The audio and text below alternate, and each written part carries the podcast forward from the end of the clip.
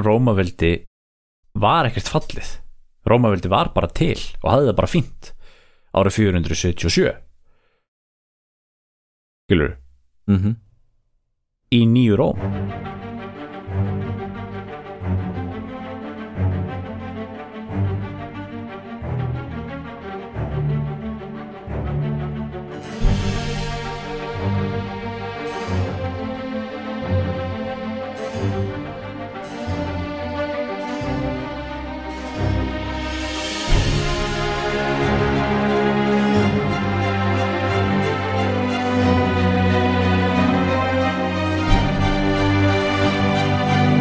Komið sæl og blessu gott fólk og verið velkomin í hlaðvarpið sögu skoðun Andri Jónsson heit ég.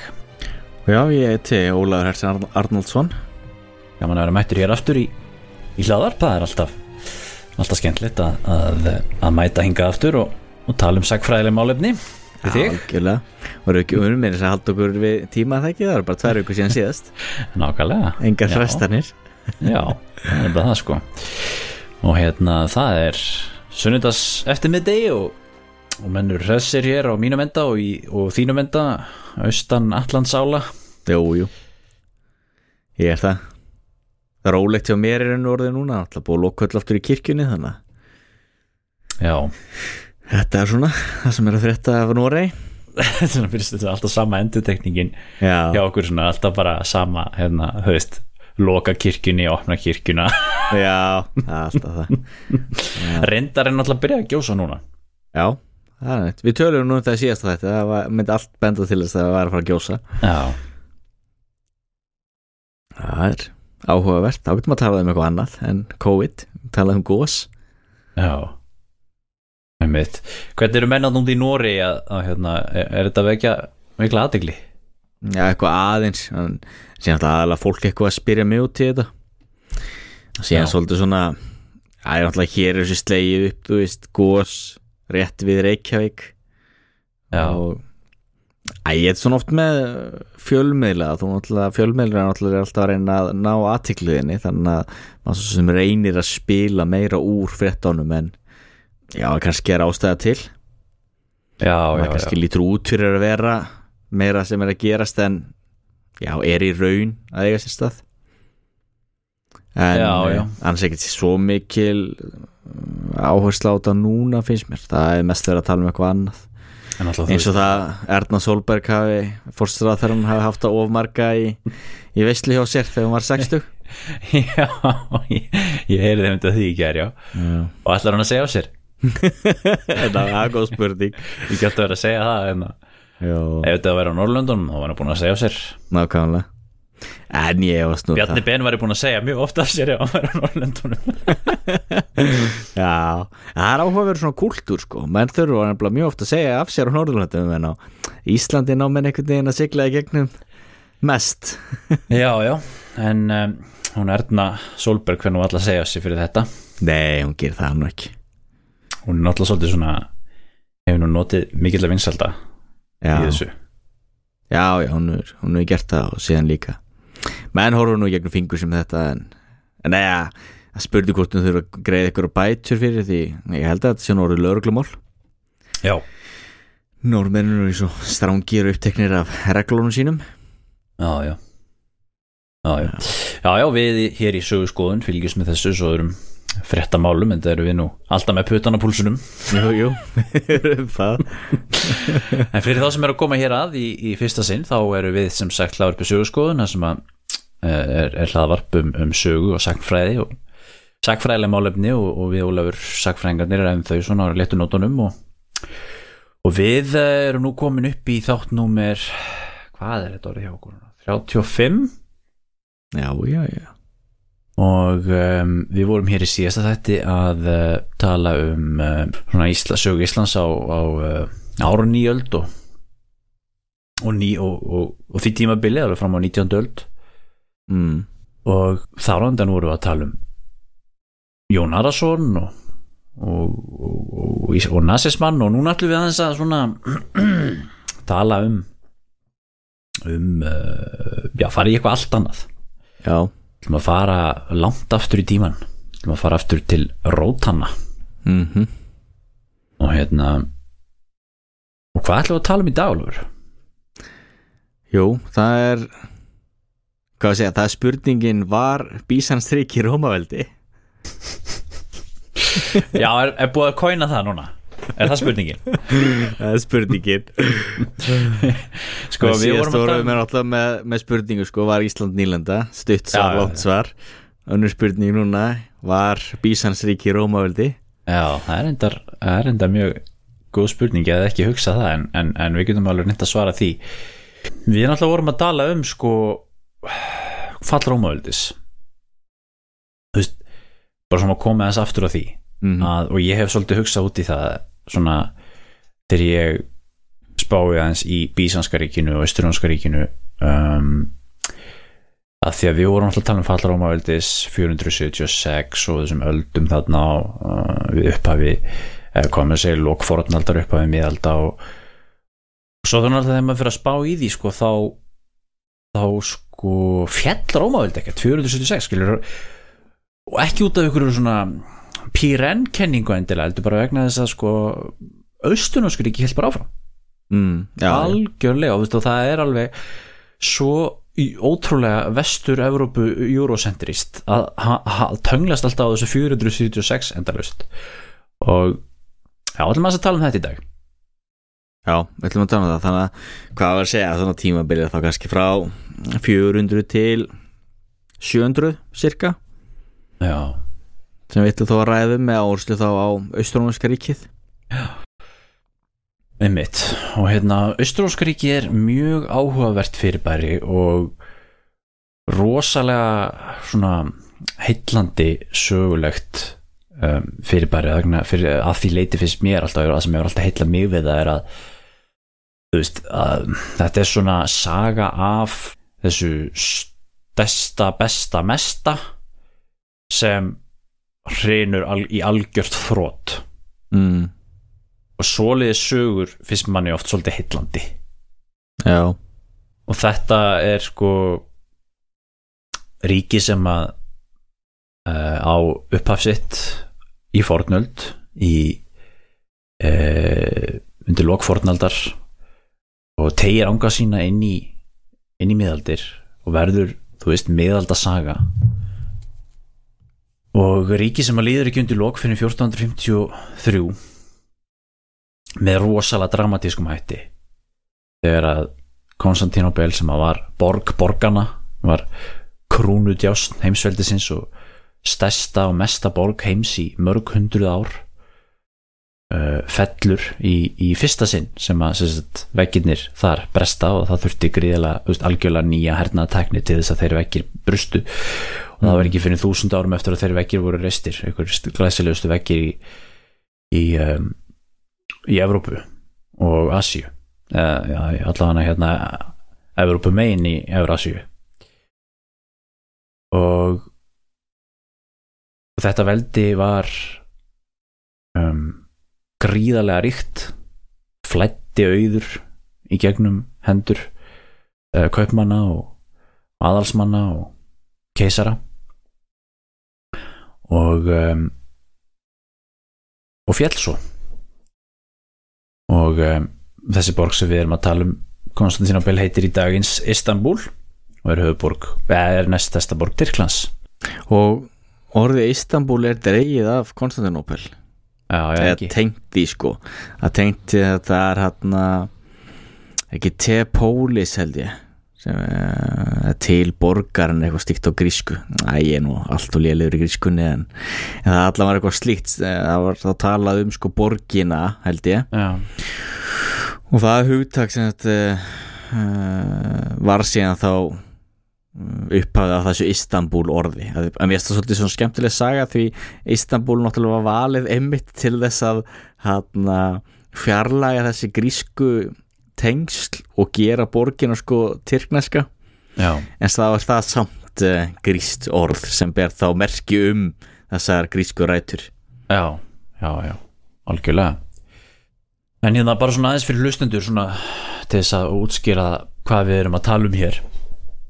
Hvað var Östurónska ríkið svona í stuttumáli um, Þetta ánáttúrulega rætur sínur rekti þess þegar að Rómaveldi Já, þegar rómversku keisararnir gerði svo grín fyrir því að, að ríkið var alltof stort og uh, ógrinnar sem stefju á því voru alltof margar uh, en svo að einn maður gæti þess að uh, tekist á við þetta allt saman. Já, þannig að þá verður til þessi hérna, skipting. Það er ekki Theodosius sem skipti í þrjún nei, nei, það er ekki rétt. Theodosius var svo síðasti sem styrði báðum ríkjunum, það er ekki 395 eða eitthvað jú, þetta var Dioklit hann að Já, það minnum að hann hafi mitt um, komið á þessari skiptingu. Það sem hugmyndin var þá að þú væri með þá keisara í vestri og keisara í austri og svo myndu þeir vinna saman. Já, hann hér Diokletianus Já, hérna, sem að skipti þessu upp í 23. öld. Já, og þá var hugmyndin að vera með sko uh, tvo, basically fjóra keisara. Þetta var svona fjórveldi þannig sem varst með svona tvo aðalkeisara og svo fjóra auk, og tvo svona aðstóðarkeisara já. Já, Og þetta þá líður í því að reyna sko, Já, að reyna að koma á betri stjórnsýslu í ríkinu. En það var búið að vera þarna mikið uh, anarki og alls konar ruggli gangi. Það var búið að vera þarna heitir þetta ekki eitthvað annarar aldar krísan eða eitthvað svo liðs Jú. Já, algjörlega þessi námaveldi fer í gegnum uh, ákveðnar krísur þá andstæðingar að utan hínur þessir ættbólkar sem er ráðast á þá og svo náttúrulega líka óstöðuleiki innan ríkisins.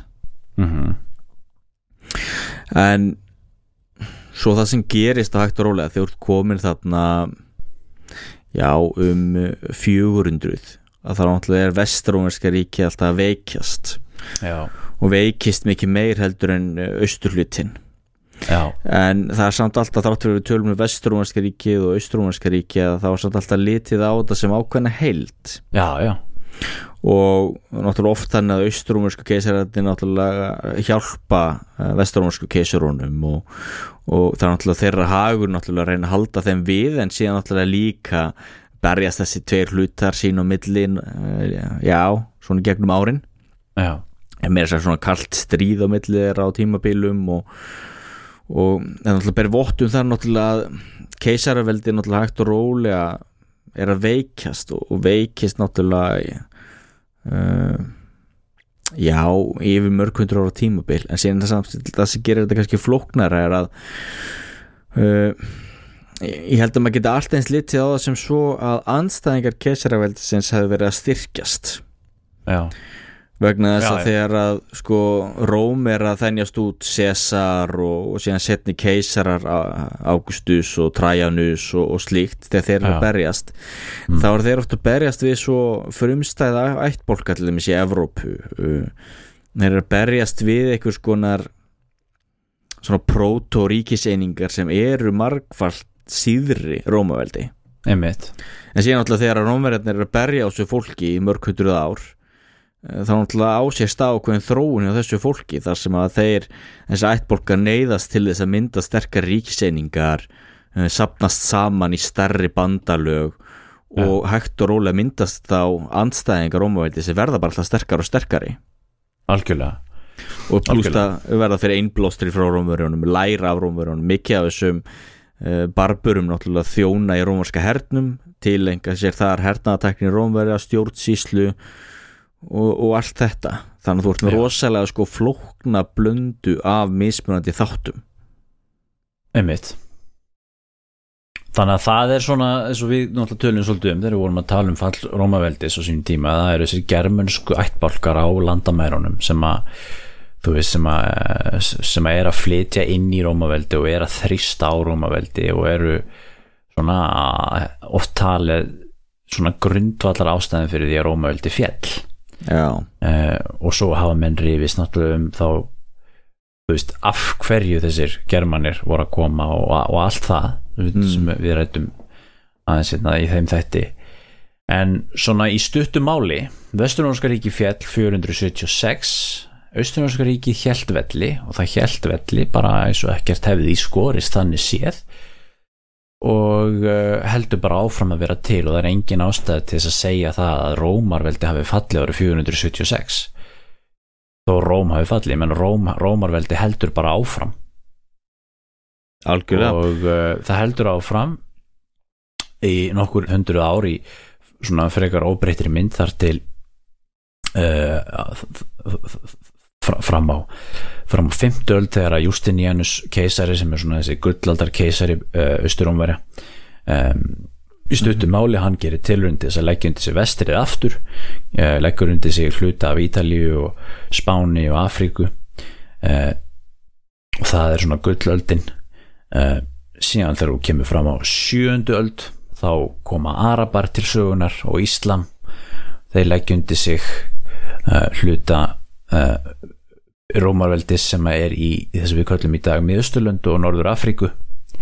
Uh, það sem eftir er er um, svæðið í kringum Konstantínopel, það er að segja Anatólia það sem við kallum í dag Tyrkland og Balkanskæi, það sem við kallum í dag Greikland, Búlgaria og gamla Júkoslavia og þetta ríki deyr ekkert út á þessum tíma þetta ríki heldur áfram að vera til með höfuborgin í Konstantinopel með keisaran, patriarkan kirkjuna, herin þetta heldur alltaf áfram að vera til í mörg hundruð ár mm. og það er raun ekki fyrir 1453 sem bara borgin stendur eftir og þegar borgin fellur þá er ríkið þá er Rómarveldi búið að líðan til lok þetta er svona í, í, í nokkrum setningum saga mm.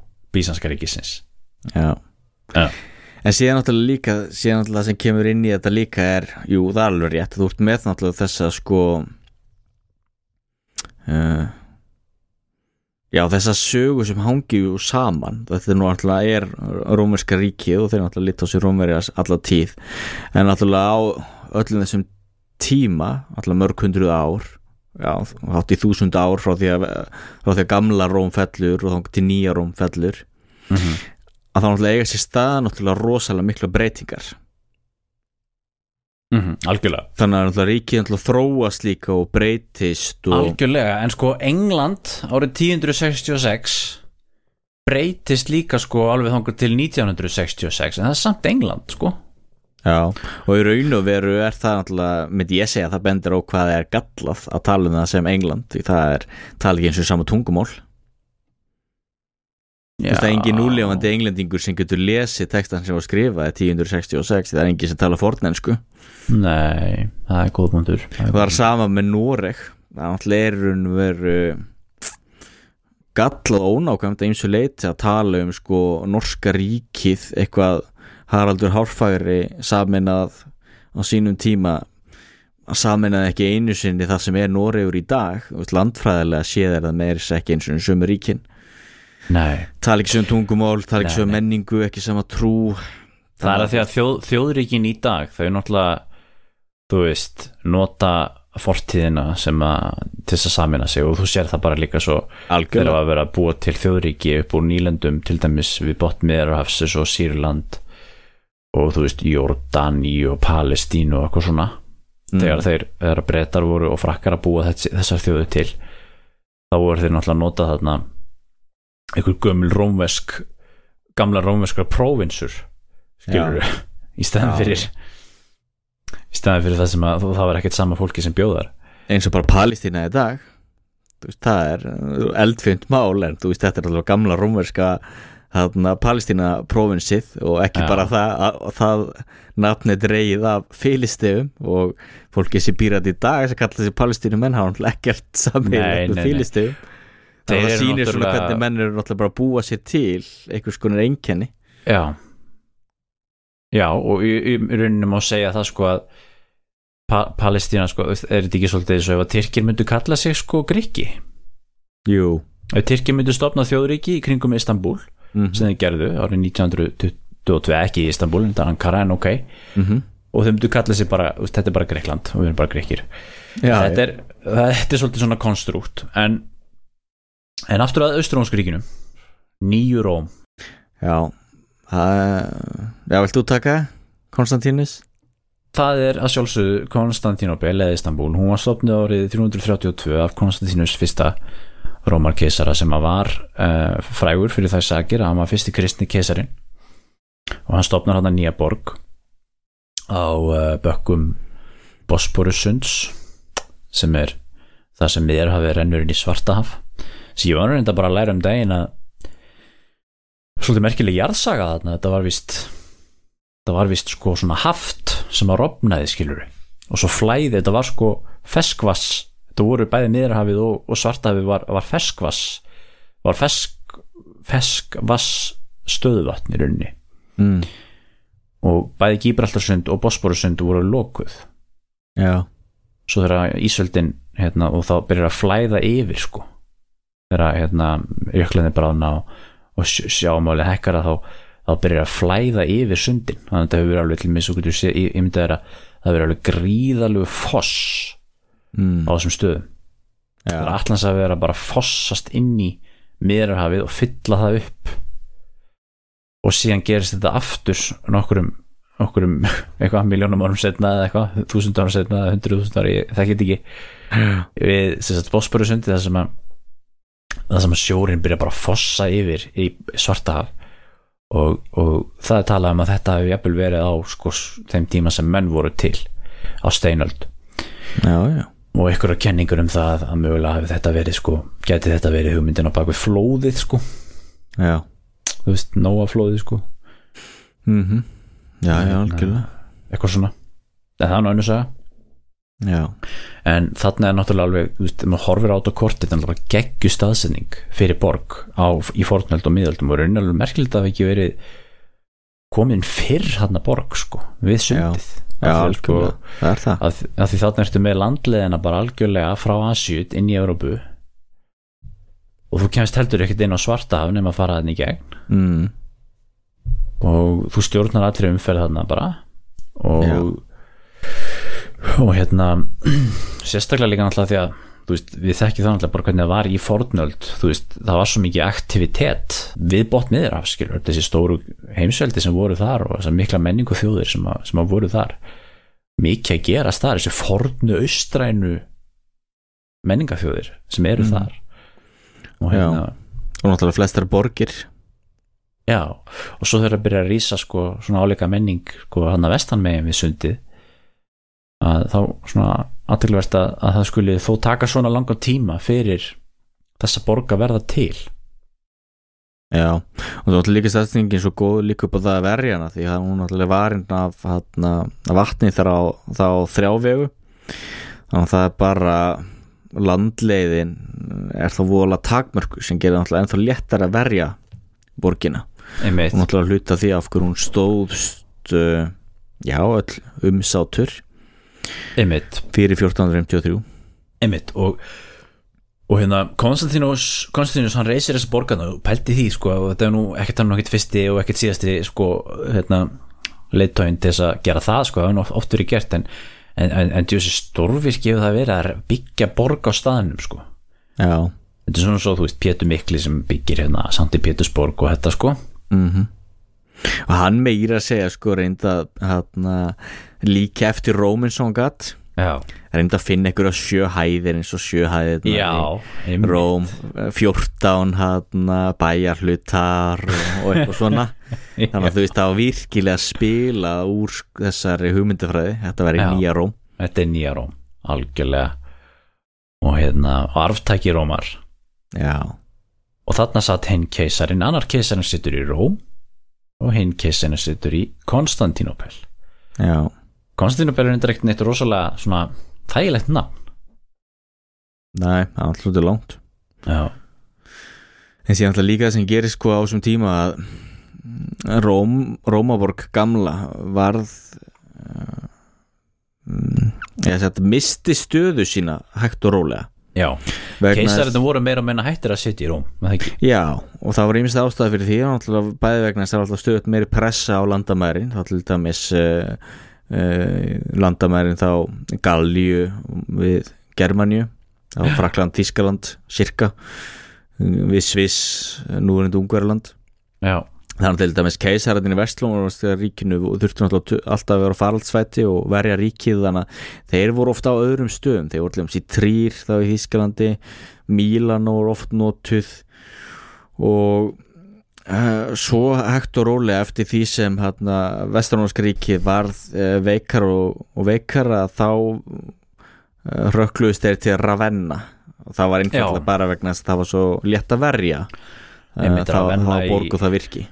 Já, já norður Ítalíu, ekkert frá Fenei með það nokkuð Jú, er það ekki eitthvað þar? Jú, og það má alveg geta þess svo sem líka í, í þessu fram, í framhjólaupi að, að, að, að síðan meir þegar að Justinianus leggur undir sig Ítalíu aftur uh, í hendur Rómverja uh, á, á sjöttu öld þú veist, 500 og eitthvað þá þá uh, verður að venna að höfustað um, vísi konungdæmisins eða eða, eða það er að segja það sem að vísi konungur eða, eða fulltrúi keisarans satt á Ítalíu um, það var í Já. Já, en ekki í Róm því þá eru líka komin á þann stað sem að Pávin er komin í Róm og, Róm er fara, fara að vera miklu meira svona Pávagarður heldur en en, það, en, en, en við getum komið þess aftur á þessu. Jú, og það sýnir náttúrulega líka breytingar sem eiga sér stað í Rómaveldi. Já, þegar að sjálf borgin sem allt byrjaði með og var jú miðja alheimsins þegar hún skiptir orðið já, líka við engu máli. Hún, nema hvaða hún er bara kannski fyrst og fremst tilfinningarleg eða hefur eitthvað sögulegt gildi.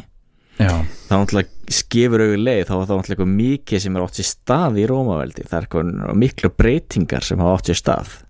Já, Því, fyrir menn eins og hana, Hadrian og Trajanus það hefur óhugsandi að snúa baki í Róm eða hvað þá Julius Caesar eða Augustus. Já, já um, en það er náttúrulega þú veist, keisaraveldi náttúrulega breyttist, ríki breyttist og þarfir ríkisins úr Já. uh, aðrar. Algjörlega, náttúrulega stór hlutaði náttúrulega afhverju það var síðan skynsanlegt að stofna þetta nýja höfuborg í austri og náttúrulega var líka vegna þess að þunga með ríkisins náttúrulega var í austrinu, austri var alltaf ríkara. Já, og, og sérstaklega þegar komið fram á þennan tíma skilur þá er já, að, að þá er austurlutin orðin, þú veist, þar er öll gróskan svo, svo, ég, svo ég noti það orð sko, það, það er það sem hlut, hlutinir er að gerast skilur, það er miklu þéttari beigð skilur, skilur og miklu meiri borgar öfluri borgir og stærri borgir og, og, og, og þú veist.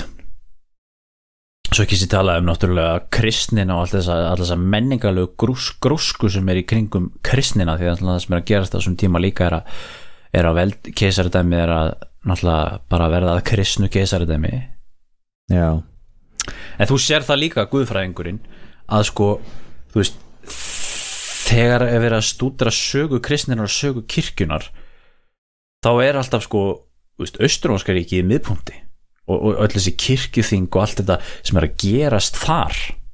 Já, já.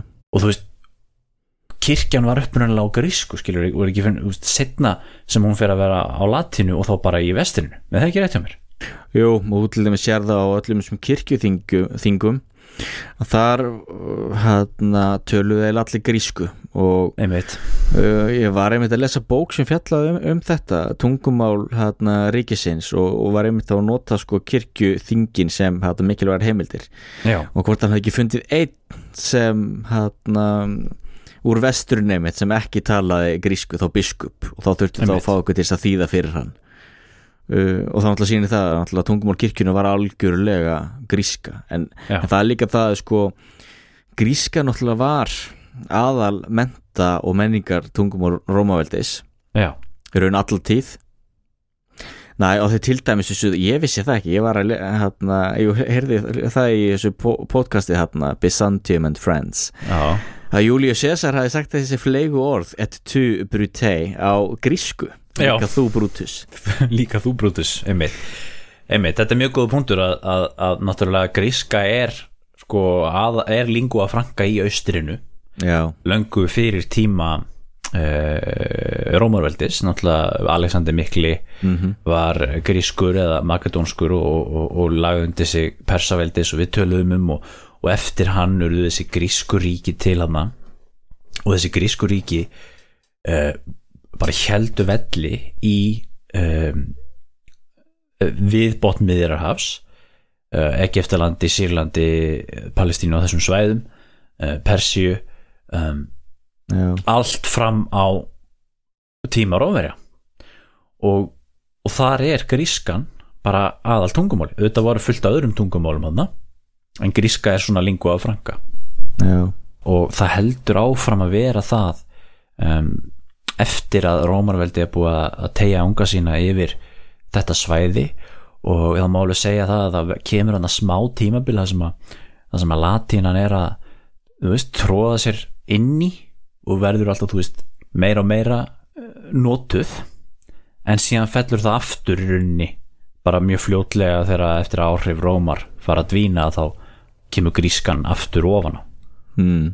það er meira að segja sko í sjálfur Rómaborg eða Rómaborg var jú tvítingt og, og grískan stóð rosalega stert þar og meira að segja að tala um það í svona um, hvað maður að kalla já svona uppeldis fræðum þess tíma að það voru börn elitunnar aðalsins, neða þá var aðalinn kvartur til þess að tala grísku börnin, Já. þannig að þau fá ekki þennan latneska hreim.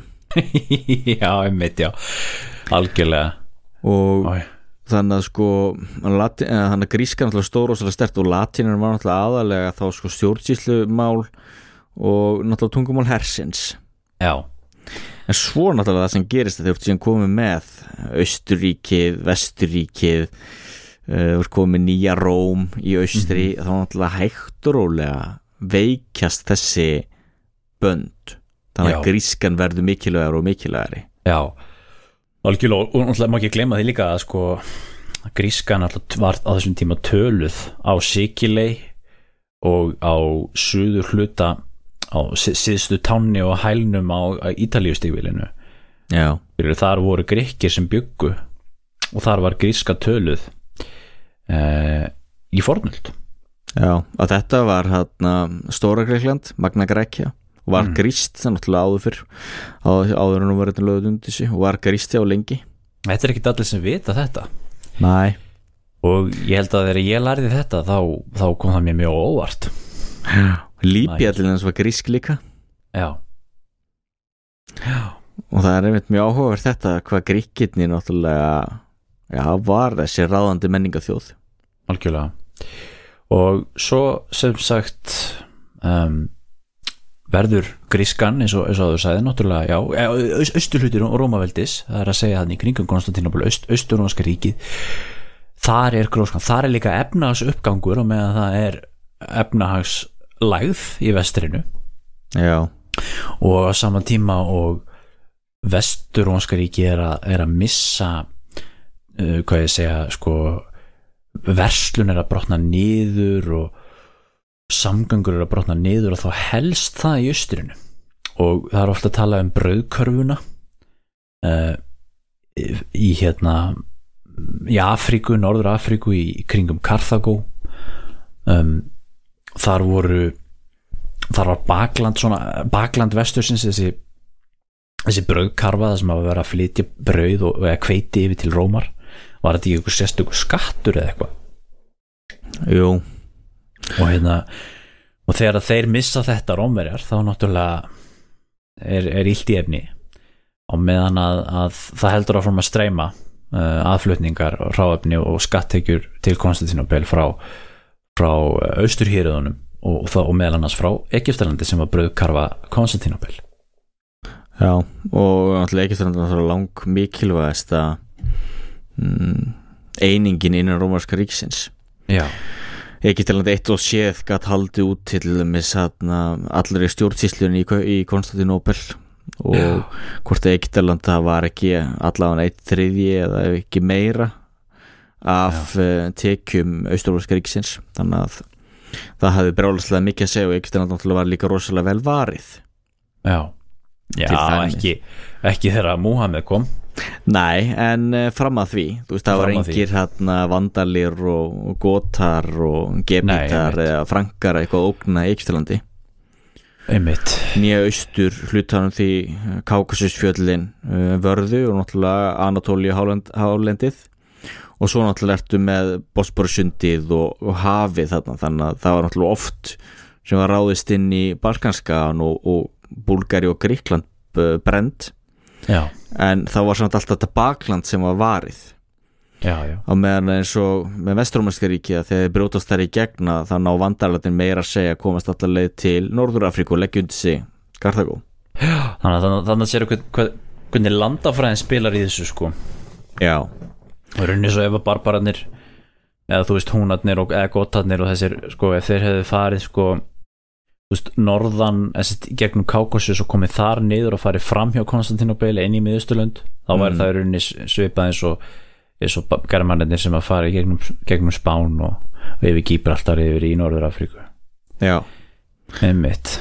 Og þá meiri líkur á því að Austrónarska ríki hefði já, fallið.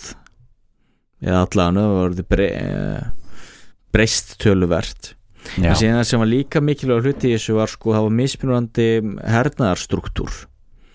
Því í Vestrónarska ríkinu að þá var sko aðsta hervald sapnað í eh, sapnaði saman undir einu manni sem var þá Generalissimo. Já, já, á meðan í Austrúmerska ríkinu þá dreifðu þeir hervaldinu og voru oft þá með fimm hersöðingja meira svona decentraliserað hervald. Já, ok. Þannig að uh, keisarun var ekki ógnað að sama leiti því þú varst með marga svona uh, herfóringja að þá varstu með ákveð svona checks and balances. Já, það vantaði í, í Vestrónarska ríkinu en það gerðist það náttúrulega síðan að þessir uh, herfóringjar náttúrulega stýrðu eins og þeir vildu eimsu leiti og uh, setni menn þú veist, eins og Ódoakar sem var uh, gotið mann rétt. Hann til dæmis þá fjarlæði keisara bara eins og hendaði honum. Já, já. Einmitt.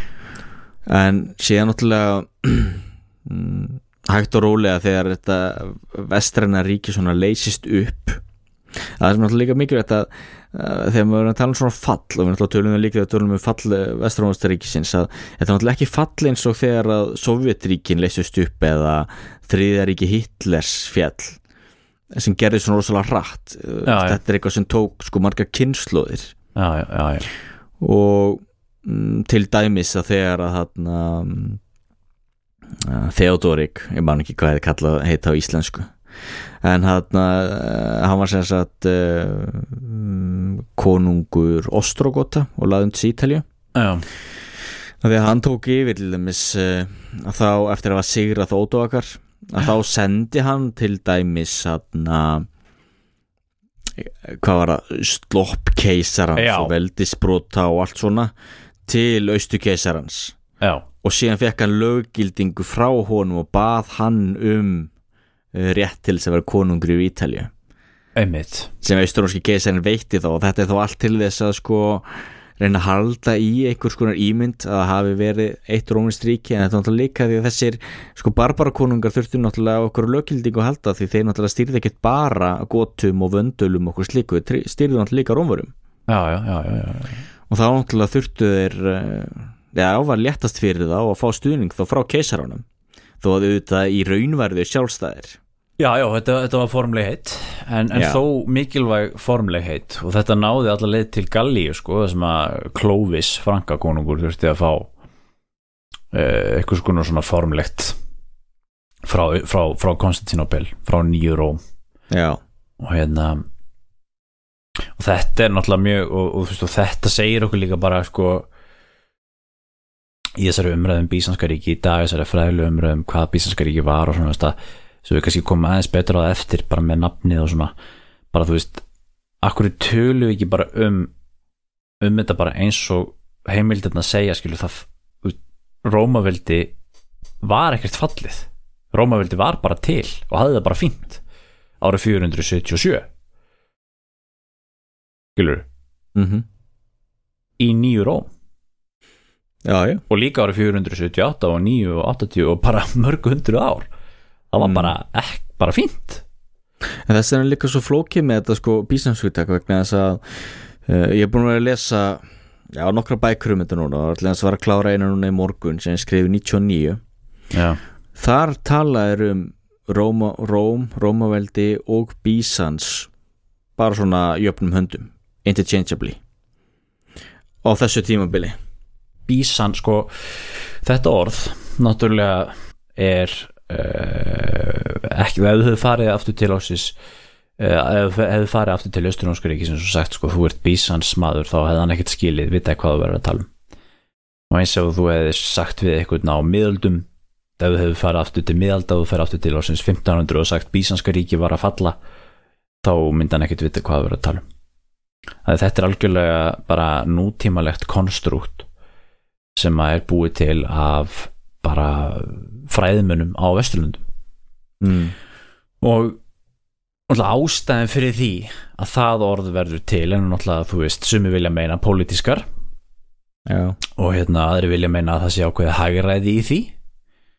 Uh, sumi vilja náttúrulega meina að það sé bara til þess að lýsa einhverjum veruleika og meðan sko þeir sem að segja að þetta sé út af pólitískum ástöðum eða af hagræðis ástöðum það, það er hlægilegt að segja það þetta sé til þess að lýsa veruleika því þetta lýsir nákvæmlega engum veruleika.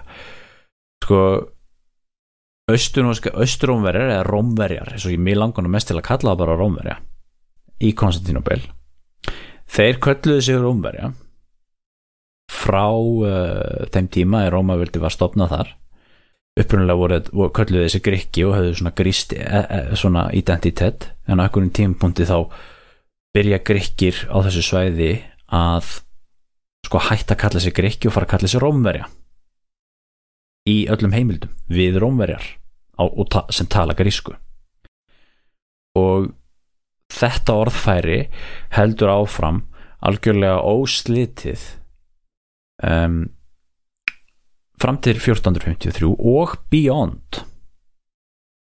Gríkir eru kallaðir rómverjar í ottomanveldinu og þeir kalla sig það fram á 19. jafnvel 20 stöld.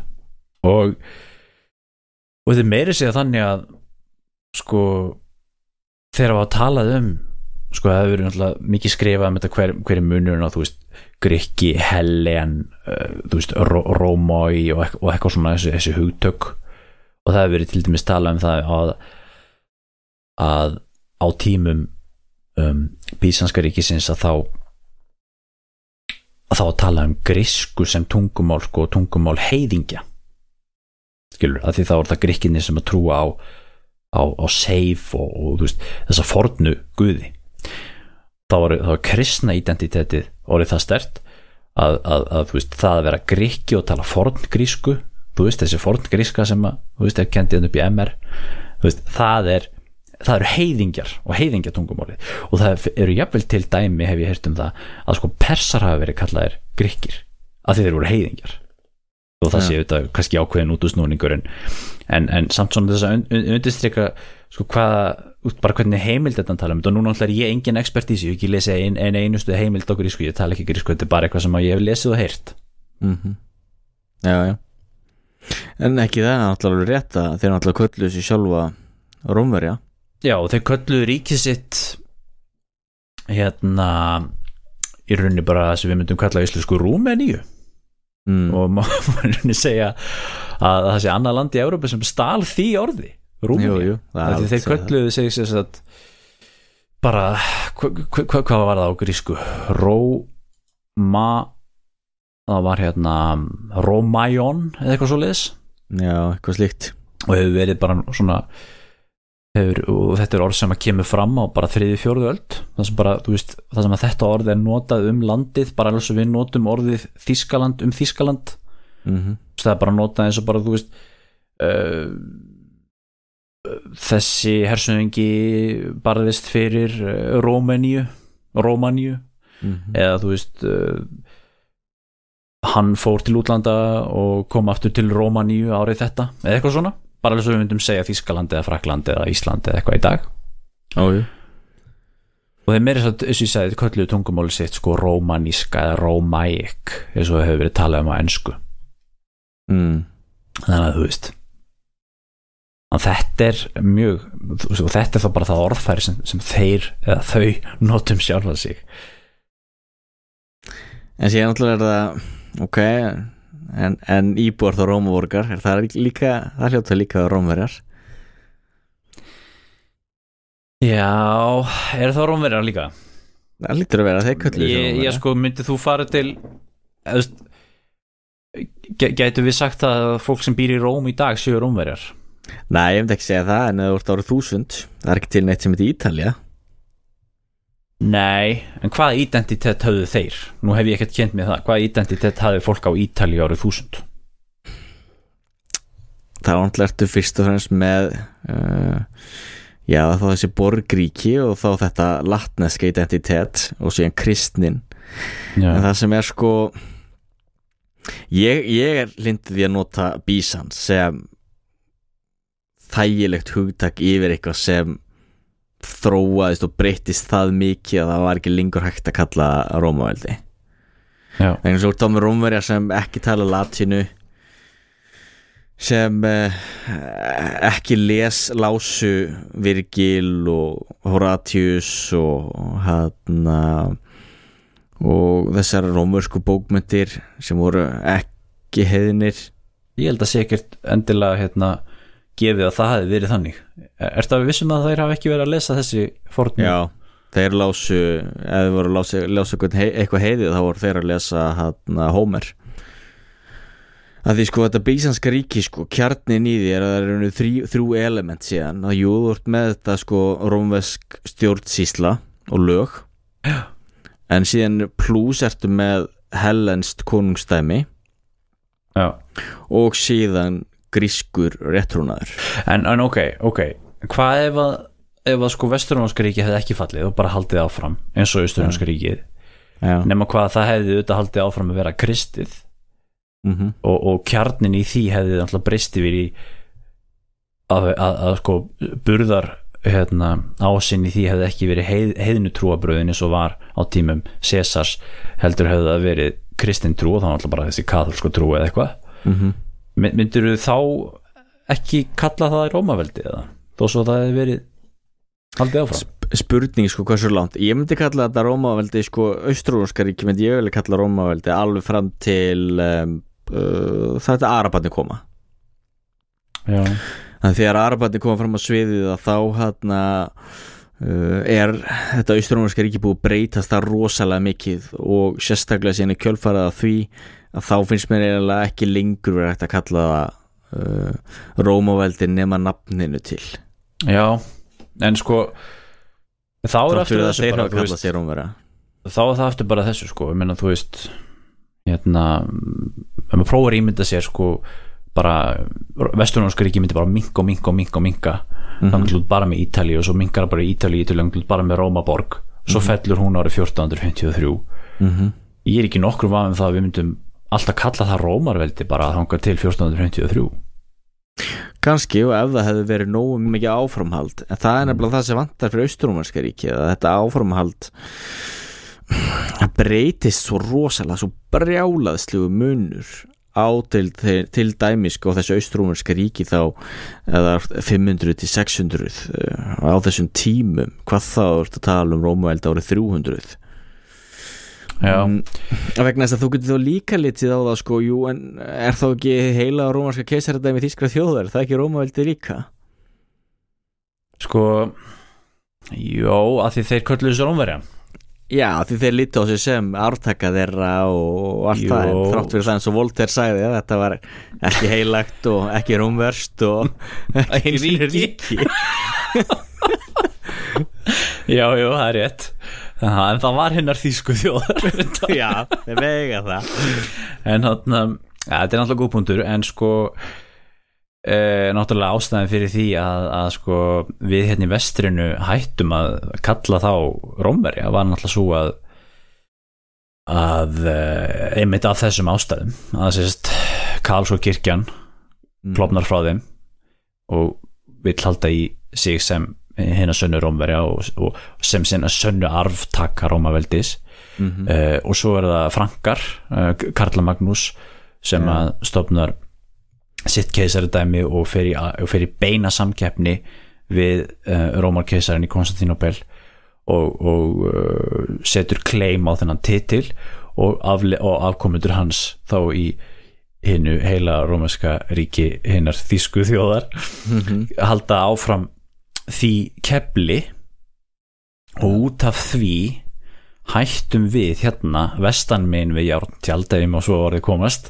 Nei, að kalla Konstantinopel uh, nýju Róm og kalla það Rómarveldi. Og, við fórum menn hér, hér hérna megin að kalla það uh, keisaradæmi Gríkja eða gríska keisaradæmið Já, og hérna og hann talar um það eins og þú nefndir á podcasti hérna Byzantium and Friends með Antoni uh, Kaldellis sem er, sem er sérst bandarisk grískur sagfræðingur sem er, hefur verið að skrifa voru svo mikið um svona, svona, svona identity og svona þú veist, sjálfsmyndir og, og þú veist um, já, sjálfsmynd bísansamanna basically. Já, og hann er náttúrulega mjög krítiskur á þetta og hann til mig staðar um þetta, um þetta þe- á þessum tíma þá hætta er að geta sagt að þetta hafi verið Rómaveldi hérna í vestrinu. Og meðan sko í austrinu hætta er því ekkert. Þú veist, fyrsta leið talaði sjálfur um sem sem Róma, Róm, Róm og, og Tyrkinni tala um það sem Rómverja og Arabatni tala um það sem Rómverja. Og ég veit ekki, rússar, hvort að rússar hafi gert það alveg öruglega en, en það er náttúrulega hérna megin skilur í þessari kathólsku arfleið sem að, sem að menn vilja það ekki lengur. Og svo náttúrulega þegar er komið fram á um, 19. öld og þá fara að stopna aftur hérna grist þjóðríki og það er hérna þessi austurlenska spurning um hvað að gera við, við ottomanríkið, hinn degjandi veika mann Evrópu og þetta allt saman þá er ekki ekkert í tísku að fara að tala eitthvað um eitthvað grist heimsveldi lengur sko. Eða rómvest heimsveldi eitthvað tilkallið þess þá er rauninni bara Gríkland eitthvað lítið þjóðveldi þarna sem að, sem að te þeir tengja bara við forngríkina mm, skilur og þá, þá verður til þetta hugtak bísanska ríkið sem að fræðmennir um, búa til um þetta og í rauninni svona superimposa á þetta að þeim forspurðum. Mm og, og þá ertu komin út í svolítið svona eins og við endum alltaf í Edvard Said og þessu að við eitri. það er alltaf þetta að sko vestrænu fræðimennir þeir búa til söguna um austrið og það er svolítið verið að gera það þarna já, en síðan er gallamál er náttúrulega gallið með að sko búa til söguna ok, en úr hvaða efni við búa til söguna?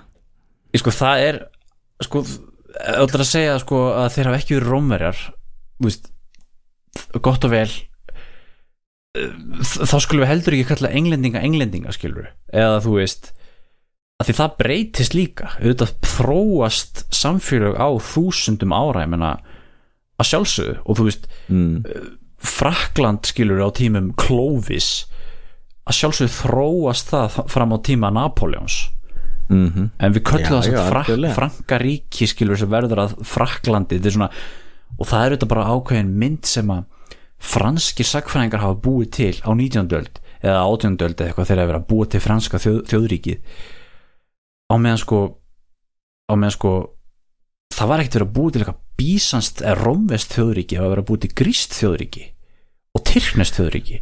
Og þess vegna verður þetta bara eitthvað svona orfan eitthvað svona munarlaust badd sem engi vil eiga. Og þess vegna færði hann að fárlega stimpil bísans sem þýðir ekki neitt. En, en því þá Rómaveldi eitthvað? Ef, ef þú ert rómveri ef þú, ok, þú ert á rómveri sem býr í Konstantinopel árið 1400 talar ekki latinu þú eh, aldrei farið til Rómaborgar hefur engin tengsl neitt við þetta ríki þú ert eh, kristinn þú ert mjög upptekinn af til dæmis eh, Marju May og lítur á sko það að vera reyn mei og jómfrú sem eitthvað það aðsta hérna, takbarskrifan getur náði í lífinu þá kemstu í aðsta hluta himnaríkis mm -hmm. ok, það er rómverji en síðan ertu með eitthvað sem nýtur þess að horfa á skilminga þar að deyja í hérna, ringleikahúsinu í Róm. Mm, tilbyðu sinn Júpiter já, sko, er trúabröð er ekkert endlega sem definerar sko, þjóð og þú veist, fólk getur Nei, eða það eða hluti að þú getur ekki borið sama til dæmis til dæmis þú tek, lítur á keisarana ef þú ber sama til dæmis Trajanus og Hadrianus og Antonius Pius og þessa keisara að það var algjörlega grundvallar atrið til dæmis að keisari myndi fylgja hernum myndi leiða herin Já. þegar komum fram til Theodosiusar annars til dæmis að þegar að þarna, hans ríki var ógnað að þá var það ekki lengur keisarnas aðal hlutverk að til dæmis leiða herin sinn heldur var aðal hlutverk keisarnas frekar að vera einhvers konar guðlegur verndari þannig til dæmis að þegar að það reyði jarðskjólti yfir Konstantinopel þessum tíma Já. og uh, allir húnakonungur ógnaði þeim Mm. það sem að Theodosius annar gerði var að ganga berfættur í kirkjuna og byðja og, og syngja hérna sálma og eigða tíma sínum í slíkt og rétt eins og sýstir hans Pulkeria hún var einn af aðal fóringjum bísanska ríkisins og grundöldi þess að hún var reyn mei og spilaði þá á hérna Marju May og Theotokos sem var titill sem Marja May hafiði Guðsmóðurinn allt, öll hugmyndafræðin er svo gjörsamlega allt önnur og það er ekki að bera það saman. Já, en það eru samt sko það eru þannig eru ekki bara þann trúbröð, þannig eru líka þann pólitík. Það er, þetta er mörg hundru ára þróun skilur mm. og bís, Bísaskaríki er ekkit eina landið til þess að skipta um trúabröð ég meina Íslendingar skipta um trúabröð og þú veist Já, en ég er ekki bara að tala um trúbröð, ég er líka að tala um alla stjórnsýsluna, til dæmis sko í austrinu þessi Basilefs titill sem notu óhugsandi fyrir Rómveri að samþykja eitthvað slíkt eins og til dæmis Rex, það var aldrei neitt Rex yfir Rómverjum í vestri. Nei, ekki nema þó bara þegar síðasti var tekin á lífi þarna um 500 fyrir Krist eða hvernig það var og, og líðveldi var komið á. Þannig að þú veist allt sko hugmyndafræðin er svo rosalega öðruvís það er svo mikil gjá á milli. Þannig ég sé ekki að það einhvern veginn gerir það þægilegra fyrir sagfræðingin og fræðimannin að vinna með þetta að þú notar svona viðfæmt tungtar, mér finnst það að vera jafn merkingalöst já en hérna sagt, auðvitað breytist landið sko stjórnarfarslega og menningarlega og, og það hefur það hafa öll lönd gert það sko, það, Mm. það, það gerði Frakland líka uh, frá tímum Franka og, og fram á tíma Napoleons sko og hérna og á tímum Karla Magnúsar var var það sko þess krafist kannski að, að konungurinn myndi leiða herin í, í orustu á meðan á tímum Lúðvíks 16. þá hefði hann kannski farið í kirkju og, og, boð, og beðið fyrir hermununum með eitthvað skilur hvað ég meina þetta er, ákveð, þetta er sama þróun og þú sér líka það að það verður þróun í átt sko til um, mm, sérst, að, að mið- miðstýring minkar og fjúdalismi ekst það er að segja vel- veldi aðals er að aukast í Evrópu skiluru, eftir fall Rómaveldis. Og við sjáum alveg svipað þróun í Östurlundskrikinu að þú veist uh, þó svo það hafa alltaf verið keisaradæmi þá, þá sjáum við ákveðna svona þróun líka í þá átt að veist, það verður svona meiri svona fjúdal bragur á því. Sérstaklega þú veist þegar kemur fram á miðaldir. Og því það er bara þú veist þannig er stjórnkerfi miðalda Já, já, og sérstaklega náttúrulega líka þegar þetta ríki síðan konsoliderar sig í kringum þá núvarandi Tyrkland og Gríkland Já, og, og eins ef að þetta ríki hefði haldið áfram inn í 20 stöld þá hefði það öllum líkindum kasta þessum lénskerfis uh, fjúdalisma og farið yfir í borgaralegt samfélag og, og innvæðing og kapitalisma bara öll önnur lönd í Evrópu skilur Mm. á mismunandi tíma. En sko það væri þá þess að við myndum segja sko Rússland árið sko 1917 skilur þegar það er að verða einhverju borgaralegu samfélagi eða sosialísku samfélagi en ok, Mhm. það er sko alltaf að segja þá hérna við, nei við getum ekki kallað það Rússland lengur því Rússland er sko er eitthvað svona, eitthvað svona uh, það sem við tengjum við hérna gamla Rúss sem var hérna þú veist fyrir þúsund árum síðan þegar þeir sko voru með alltaf aðra samfélagsgerð og aðra stjórn veist, við, við, við getum ekki hægt að kalla eitthvað, eitthvað land eða þjóð eitthvað bara að yfir hæ- hægt og rólega yfir eitthvað langt tímabil þá þróast menningin og stjórnafarið eitthvað annað. Nei, en þessi sýnir náttúrulega fyrst og fremst náttúrulega hvað öll hugtök eru gölluð eins og nú- núna erum við oft búin að tala um Evrópu og Evrópumenn. Heldur að Jón Arason til dæmis hefði litið á sig sem Evrópumann eða Íslending. Ég er ekki eins og vissum að hann hefði gert það hann hefði fyrst og fremst litið á sig sem kristinn sem katholika Já, og til dæmis er- ef við ætlum að tala um eitthvað um Evrópumenn og Evrópu og miðöldum ah, þetta er setjum tíma fyrirbriði já, en við já, gerum það vegna þetta er þægilegt shorthand yfir eitthvað sem við erum að tala um. Já. rétt eins og auðvitað Frakland árið þúsund var ekki til. En, en getum við þá ekki þú veist notað orðið hérna bara viktorianska Bretland þú veist Mm. Jú, og til dæmis, þú veist, ég hef ekkert mótið ykkur vil kalla það á Rómaveldi og skrifa sögur Rómaveldis til dæmis eftir, eftir 500 eða sögur Rómaveldis frá 1000 til 1453 já, Eh, það sem ég veist aðal áhvert við þetta sérstaklega þessu fræðimönnum sem þetta er svo mikið hjartansmál að ég Já. sé ekki sko styrkin í því að ekki nota bísanshugtækið því sko ég hef verið að pröfa það núna í þessu bókun sem ég hef verið að lesa að Já. skipta út einmitt. og bara og lesa það sem sko ok, Rómaveldi ég sé engan mun á því Jú, það er nefnilega svolítið mikill munur á því og þá eru aftur komin að þessu sem er í sko hverju er valdið í orðræðunni sko Já, en að þetta er gallið valdið í orðræðinu þetta er bara sko eitthvað svona fókó kjaftaði. Já, já, það er En það, sko, þú veist þetta er og sagði sko fræðimenn sem ofmetnast og halda að orðið hafi miklu meira að segja heldur en það hafi í raun. En mér finnst það vera alveg sérstaklega mikið þegar að sko, minnst það kannski vera annað um sko, þú segir hérna uh, uh, sko a, a, a, a hvað ég segja íslamskur hriðverkamaður eða eitthvað svona og þú veist og það orð hefur eitthvað eitthvað svona hugmynd skiluru sem að myndi vera kannski hafa, hafa að- önnur skilabóð og myndi segja skiluru arabísku hriðverkamaður eða, eða, eða trúar ofstækis hriðverkamaður eða, eða eitthvað. En, en, en, en það er þó þú, veist, það er samt hann er samt faktist íslenskur slags, en í þessu tilfelli þá eru að nota eitthvað orð sem að er ekkert einu sinni faktist þú veist, bísanskt er ekki til í raunveruleikunum það er bara eitthvað sem við notum í dag til þess að lýsa einhverju fortíð. Já, en það gil, já, ég, ég skil það en það ávið samt svo margt þú veist, stjætt er ekkert til. Já, það er ekki til verkamannastjættin þú veist, þú getur hvergi fundið verkamannastjættina það er bara eitthvað abstrakt hugtak sem við búum til. já. Það er bara huglagt, það er bara rétt eins og samfélagið er ekki til. Þú veist, Já, já. samfélagið er ekkert annað en bara einstaklinga og hvað þessi einstaklinga gera en við lítum samt á það sem hagnýtt. En, en þú ok, ég, veist, ég, ég er alveg sammálir þessi, þetta er alveg rétt hjá þér en, en, en samt, þú veist, akkur erum við að gera þetta bara um bísanska ríkið en ekki um önnurlönd En ég er að spá, gerðu þau ekki um önnur lönd? Því til dæmis þarna á ennsku, þú talar um Germany og Germans. Já, það er náttúrulega ekki það sem þeir kalla sig og hafa aldrei kallað sig. Það er, það bara, það er bara það sem Rómverjarnir kölluðu á sínum tíma. Nei, það er náttúrulega bara Germania. enska orðið yfir Deutschland, sko. Já, en af hverju, jú, það er því að en, en, jú, en vegna þess að Germania hefur aldrei verið til.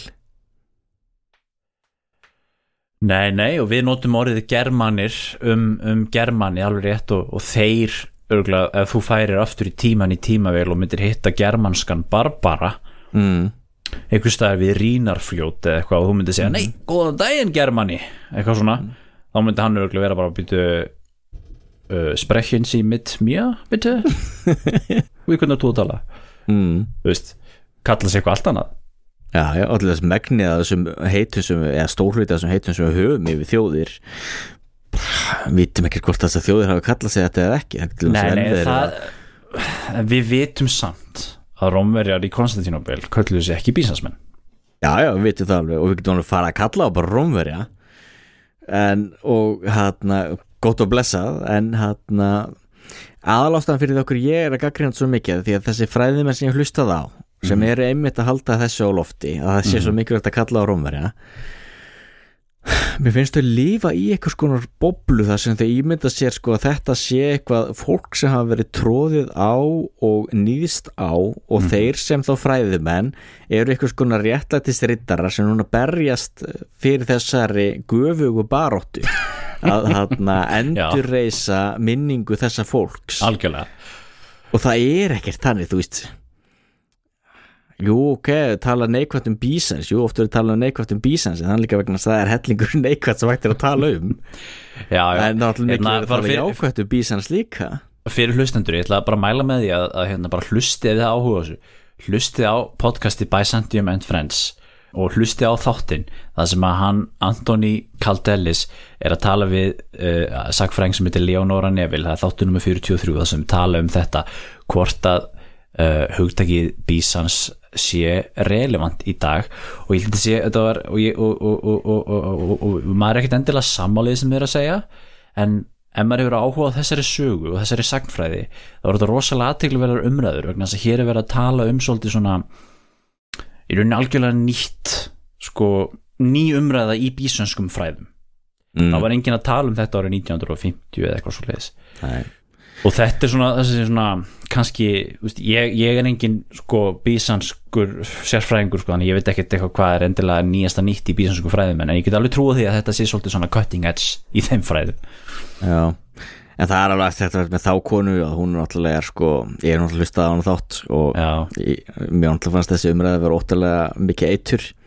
Hún er náttúrulega uppfull af þessum hérna hugmyndum að Edvard Said og allt þetta eitthvað subaltern og postkolonial og, og allt þetta sem er úðalum mikið svona sútofræði Já, hún er náttúrulega svolítið svona róttæk að þessu leiti rosarótæk og mér finnst þetta áhugavert að hún hafi ekki rifið hann í sig því hann skrifaði bókina þarna Strange Tales and Surprising Facts from History. History's Most Orthodox Empire þar sem hann eru þá fullu í þessum orientalisma að benda á allt þetta skrítna og merkilega og mystiska sem átti stað í Bísansaríki Hann, hann Karl Dellis hann kaldi alveg skrifa það bók. já, já. ég, ég var einmitt að, hana, var einmitt að finna hann á nettum, ég ætla að lesa hann nú nekkuð tíman já. vegna þess að eftir þetta ertu við þetta fólk að sko það er svo stert í dag að halda þeirri hugmynd á lofti að allar manneski séu eins og þetta other og othering sé eitthvað sem er bara byggt á okkur ruggli á meðan að sannleikurinn er sá að þú lest bækur eins og uh, uh, The Cheese and the Worms sem fjallar um hann ostagerðamann í Ítalju árið 1500 eitthvað sem heldur við fram að alheimurinn sem gerður, á, gerður osti og englarnir séu eitthvað maðkar. Eða ef þú lest bókinu The Great Cat Massacre sem fjallar um pyntingar og köttum í Þískalandi á 17. öld 18. öld þá sér maður ok það er bara heilmikið í sögunni sem er rosalega framandi Já, og já. það er eins með bísans eins og þetta sko að hún Pulkeria hafi verið sko byggt allt sitt vald á því að hún var reyn mei og líkt sér við Marju mei og að meidómurinn hafi verið kjarnin í hennar valdi sem næstum því drottning austrómerska ríkisins þar sem hún meira sér giftist en helt áfram auðvitað að verja meidóm sinn, þú veist, þetta er svo rosalega framandi.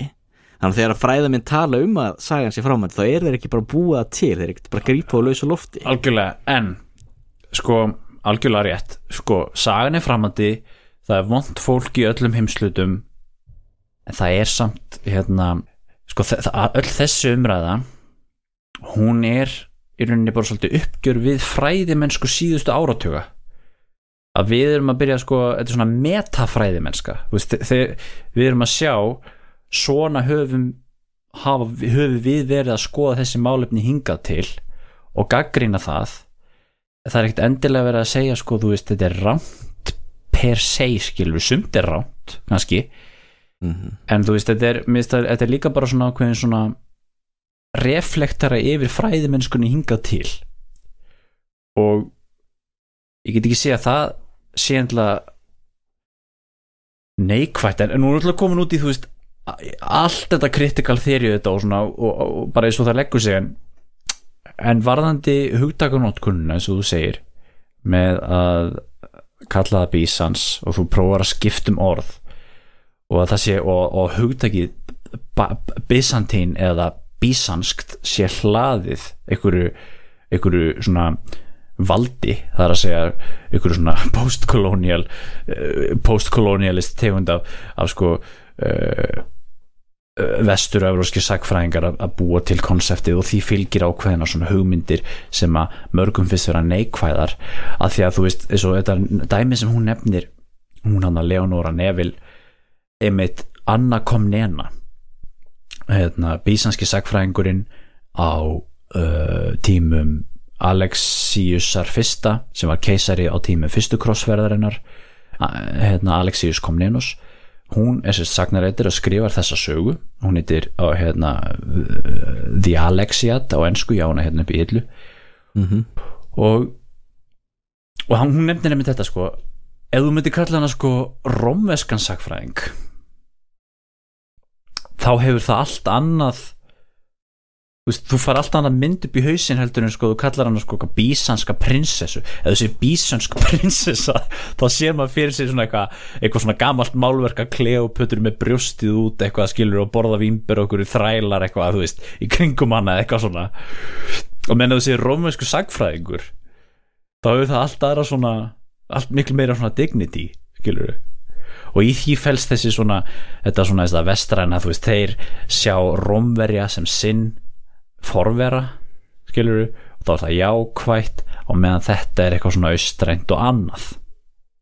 Ertu ósámála þessu? Já, vegna þess að þetta er austrænt og annað. Þú veist Jú, vegna þess að til dæmi sko hugmyndinu konungsríki er allt önnur í vestrinni því þar spruttu upp konungsríki á grundvelli þá þessar rex hugmyndar germur sko ettbólkana og menn í austrinnu þá tókuður upp þessa hálfgvuði og, og guðlegu konunga og þú sér sko að þú myndir stúdira almenn þarna í dýftina og kafa ofan í til dæmis hvernig þarna serimóniu voru við Bísansríki Mm -hmm. Þá er það náttúrulega miklu sko svona dulúðulegur og mystískar heldur nokkuð tíma það sem þú segir í vesturinn þú veist ástæða fyrir því af hverju hérna einmitt hérna Vladimir af Rús af hverju hann gerðist síðan orthodox en ekki muslimi eða katholskur hans er fræga saga þegar hérna, þeir voru að gera upp þessu hvað, hvað trúðar þetta að taka upp. Mm -hmm. og þá þegar hann kom inn í ægisif og sá allt þetta guðlega og gullið og serimóniuna í kringum sko messurnar í rétturuna kirkjunni að þá sögðu þeir já við stöndum sannarlega á himnum mm.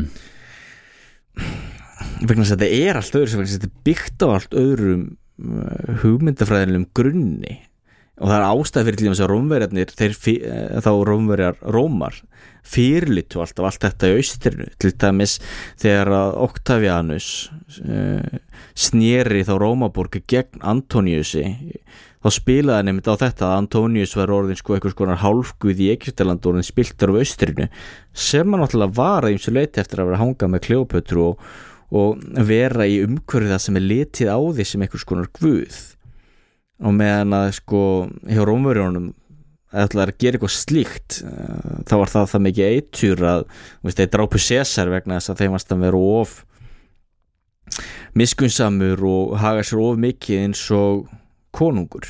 Mm ekki sem uh, rómursku borgari. -hmm. það er svo rosalega munur þegar maður byrjar að lesa já, almennlega já, það er heimildi sem við, örum, sem við höfum. Og ég segi líka með eins og þessa sem hún nefnir þarna Mhm.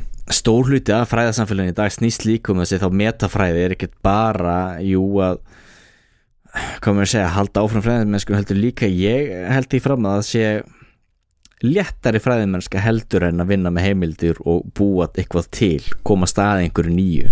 Það sé léttara að gaggrina og rífa niður það sem aðrir hafa gert þess að skrifa doktorsritgerð og skrifa greinar og, koma sínum fram eitthvað neginn áfram. Jú, jú.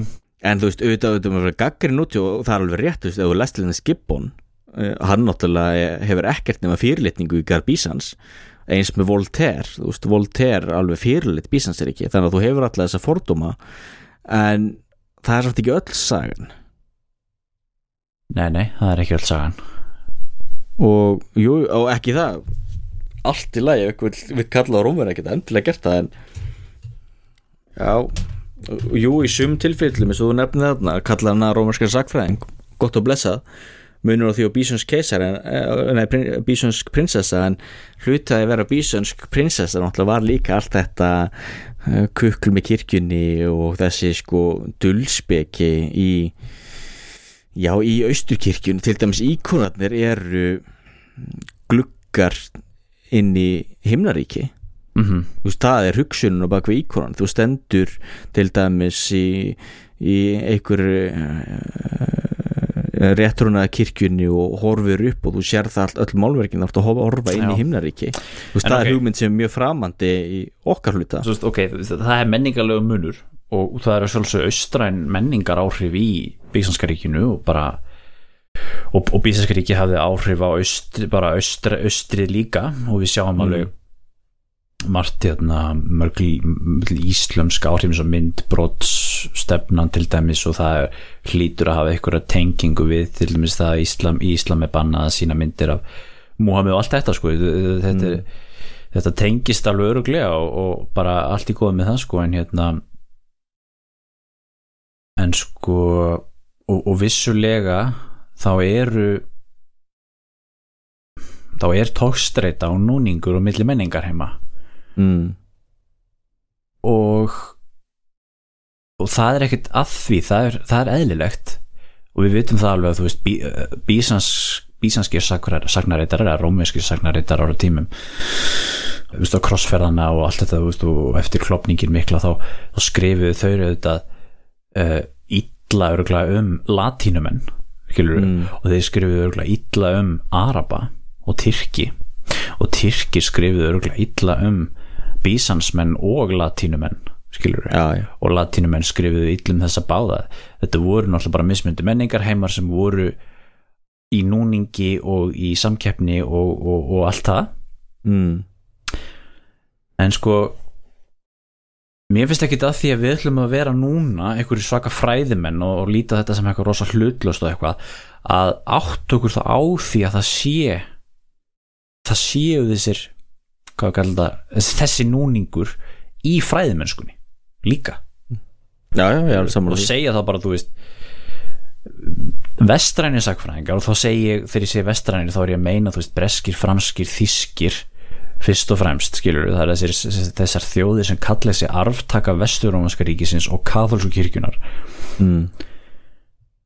þau byggur til hugdækið bísanskt til þess að lýsa þessu veldi og og þessi núningur og þessi samkeppni og þessi þessar andstæður og, og þú veist menningarlega gagnrýni sem að var á milli það hefur smitast með í þessu Skilurðu? en, ef við ætlum að reyna að vera eitthvað rosalega flotti fræðimenn og tala rosalega hlutlust og vel um þessa hluti þá verðum við átt okkur svolítið á þessu líka Já, já, alveg saman því og það gildir náttúrulega um öll hugtök og algjörlega ég segja, ef ykkur vill og ég, jú, ég er alveg saman því ef þú ætlar að nota til þeim hugtaki bísans Já. þá þyrfti alveg að þá myndi ég já, þá finnst mér að þú er þá að gera grein fyrir því af hverju þú kýst að nota Já. og færi ykkur rauk fyrir því. En þá minna ég líka að þú getur alveg fært góð rauk fyrir því og varið af hverju þú vilt nota Já. en á sama tíma myndi mér líka finnast allt í lægi að þú vilt nota hugtakið rómverjar. Já, eða tala um til dæmis keisaraveldi Gríkja eða Empire of the Greeks eins og sumi gera á ennsku en það sem ég er aðalega gaggrinn út í þetta þegar menn er að ganga of langt eins og hún svolítið gerir. En það svo fyndi við þetta podcast líka við Santium and Friends og þennan þátt. Mm er þau bæði viðkend að það væri samt hagkvæmt að tala um Byzantium þegar þú ert að tala um Suður Ítalíu og Rómverja þar. Já alveg rétt já, þau voru svolítið hissa á því. Já, og, þau, og það fannst mér eiginlega að vera svolítið svona kaltærislegt Já, en reyndar í þessu hlaðvarpi þá náttúrulega segir hún þá, þá er hún alveg á þeirri blaðsíðu að tala bara um Rómverja, held ég. Jú, og en hann er pínu meira svona reserved, hann er alveg svona sko, já, veist, ég, ég er alveg sammálega sko, en já, ég ætla samt að halda fram að nota Byzantín, eitthvað aðeins. Ég er ekki alveg tilbúin að taka þetta stóra skrif og ég er alveg svolítið hrifin af þessum hugmyndum líka, en, en samt er ég búin að vera að segja að Bísanskaríki hérna allan hennan þennan þátt, sko. Og ég mun Já. alveg halda áfram að segja það. Og, og, hérna, og það er líka bara tungumáli tungumál og ég menna ef að ég fer og og hérna skrifa bók hérna Saga Rómaveldis og setja hana í, í, í bókabúðina þá, þá, þá er kaupendur sem að, sem að sjá þá búð bók út í glugga, þeir náttúrulega halda þetta sé um Ágústus og Cæsar og, já, já. og, og Rómulus og Remus og eitthvað, þeir fatta Já. ekki það að ég er að skrifa um Konstantín átjánda og fall Konstantínobil alveg 1453 skilur Nei. Ja, hérna, þannig að er það, tungumál er tungumál skilur ég get ekki bara að byrja veist, ef ég segi rómverskur þá, bara, þá þýðir það líka bara það sem að hérna, viðmælandin skilur. Mm. Algjörlega. Og til þess bara til að skjóta, skjóta inn í þetta þjóðast að nefna Rómulus og Remus Rómaborg sjálf gekk í gegnum nokkrar svona stopnana góðsagnir Rómulus og Remus er ein uh, Vir, Virgilius samdi aðra svona stopnana góðsögn með því að Eneas, uh, trójumæður hefði stopnað Róm. Þú getur þá alveg litið á það að Konstantínus stopni nýja Róm og það sé þá bara hluti af þessu, það sé þá bara ný góðsögn fyrir stopnun ríkisins. Það er þá til dæmis rauk fyrir því að þetta séu rómverjar og ég myndi segja að það sé alveg, alveg rétt. Það, það undistrykar náttúrulega hvað þetta er sveigjanlegt og hvernig Já, tungumál breytast og, og hugmyndafræði og góðsagnir og slíkt. Já, já, það er það, en eins og við erum oft talað um, ég held að kannski aðalega kjarnin í þessu er náttúrulega að vera gaggrinnin út í hugtök sem maður notar. Já, eins og til dæmis ég er núna að lesa hérna bók sem heitir uh, The Eurasian Way of War því það er vist líka hluti af um, sagfræðinni sem sagt sumir sagfræðingar hafa haldið í fram að það sé til eitthvað sem heitir sko uh, evrósku uh, hernaðatekni sem er þá einhvern veginn aðskildir með orientalískri eða austrætni herrtekni mm þannig að þessi maður er þá benda á að það sé uh, mjög sambærilegt þá er hann að bera samanlega Kína og Bísans. Já, En til dæmis þar er fræðimaður Viktor David Hansson sem er skrifað mikið um hérna um hérna Grikki og Rómverja og hann til dæmis skrifar þá þess uh, bók upp á 450 síður sem fjalla um þetta að Evrópumenn hafi háð stríða og sérstakann hátt. Þar notar hann til dæmis svo ekki culture án þess að nokkuð tíman skilgreina hvað það er, hvað er menning. Mm, og þannig að það sem er vandamálið oft þegar þegar menn er að nota hugtök á ekki vera nóg gaggrinir eða skilgrina hvað það er. Þess að þú ætlar að skrifa, ef þú notar orðið menningu hvað er það? eða trú, já, eða hvað áttu við þegar þú ert að tala um mm, já, stopnana góðsögn eða foundation, foundational myth eða, já, já. eða þetta þá Bísans, Rómaveldi, Róm Já, þetta er hérna þetta er uh, góða punktur og, og hérna, já, skilkvæmna hugtökin sammála því mm. og ég held að ég ég hef alltaf verið mikill áhuga maður um Bísaska ríkið og, Já, og, hérna, og hef alltaf haft mjög mikið áhuga þessari sögu og, og hérna og hef alltaf þótt vænt um hugtæki í Bísaska ríkið einmitt að því að það aðskilir að því að það er ákveðin aðski, aðskilnaður frá Rómarveldi mm skilur en svona síðustu misserinn þá og kannski svolítið undir áhrifum frá Kaldelis og félögum í í mm. Mhm. Byzantium and Friends þá, þá hef ég svolítið þá hef ég svolítið farið að hugsa bara svona þú veist bara þetta er þetta er bara eitthvað orð sem, þý, sem þýðir bara eitthvað allt annað þýðir ekkert endilega það sem það var skilur hérna. Næ, en síðan er líka spurning sko uh, hvaðan koma hugmyndir okkar um þessi hugtök sem við notum? Því sko ég hef aldrei litið á bísans sem neikvætt ég hef alltaf haft jákvæð ímynd á Já, bísans já. en ég er að velti fyrir mér sko gæti það verið vegna þess að ég hef haft uh, mjög gaman af töluleikjum og oft verið að spila bísanstríki og verið að verja bísanstríki og hvort eitthvað slíkt allir með satt það áhrif á mína sögurskoðun í uppvækstinum og meðan þessi fræðimenn eru ofta að lesa Gibbon, lesa uh, gaggrín, uh, og neikvað umræðu og það litið þá hugtækið Já Já, já, það er alveg, þú veist, góða punktur. Og hérna, já, Gibbon náttúrulega og þetta er, er stór sökudólgur hérna væntanlega, en, en hann er náttúrulega líka bara afur sín samfélag, sko. Nákvæmlega, já, já. Að sér er líka hluti af þessu sem uh, við hefum kannski ekki nefnt er náttúrulega að mikið af þessum skoðunum fræðimenn er náttúrulega litast líka af fordómum í garð kristninar kristindómsins. Já, já, og það er stór hluti að af hverju Gibbon talaði svona neikvætt og hverju Voltaire talaði svona neikvætt Já. um Bísansaríki eða austrumarski keisardæmi sammála því og það er náttúrulega bara, og það er ennþá þann dag í dag þannig að við erum náttúrulega, í dag er uh, myndu margir segja að kristnin ætti ekki erindi, uh, ég veit að þú ert ósamála því, sí- síðan. En, en sko, margir myndu segja það sko, kristni og, og trúabröð sko er ekki sko mótandi menningarlegur hluti af samfélaginu í dag og og, hérna, og, og við portreyjum það oft á söguna og þess vegna finnst okkur miðaldri vera púk og gamaldags og trúarástaki þegar við hugsaum um miðaldri í Európu og þess vegna lítum við á Austuróskaríki sem einhver afturför og þessi gibboníska sögurskoðun um það að það hefur verið, þú veist, afturför úr einhverju svona einhverju voðalegri víðsýni og, og, frjálslindi og eitthvað yfir í eitthvað svona hart slæmt kristið íhald á meðan ég held að við þurfum að hætta að hugsa svona anakrónist og byrja að leita að það sko að, að sko uh, að þetta sé menningarlega gróska á þeim tíma.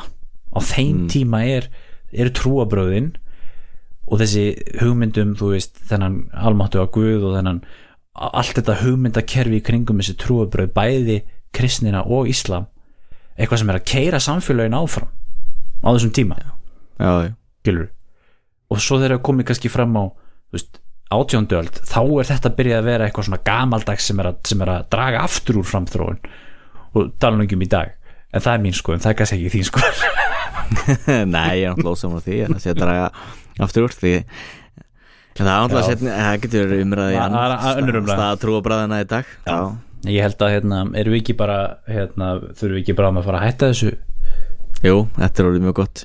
Já, en hérna mér, mér, ég, sko, við, ég hefði alveg verið til að tala aðeins meira um eitthvað svona sögu sko. Já, þú veist, tala aðeins um, þú veist, sögu Austurónska ríkisins og Justinianus og, og hérna, við bara förum í það eitthvað tíma setna, taka smá svona Já, sögu. taka þess setna Ég er alveg minnst núna að fara, ætla að fara að kynna mér hérna Arabana þegar þeir Já. koma á svona svið ég er með allan að tvær bækur á skrifborinu um það þannig að það allir sem mjög áhugaverð saga. Já, þannig að við þurfum að líta á þetta setna algjörlega.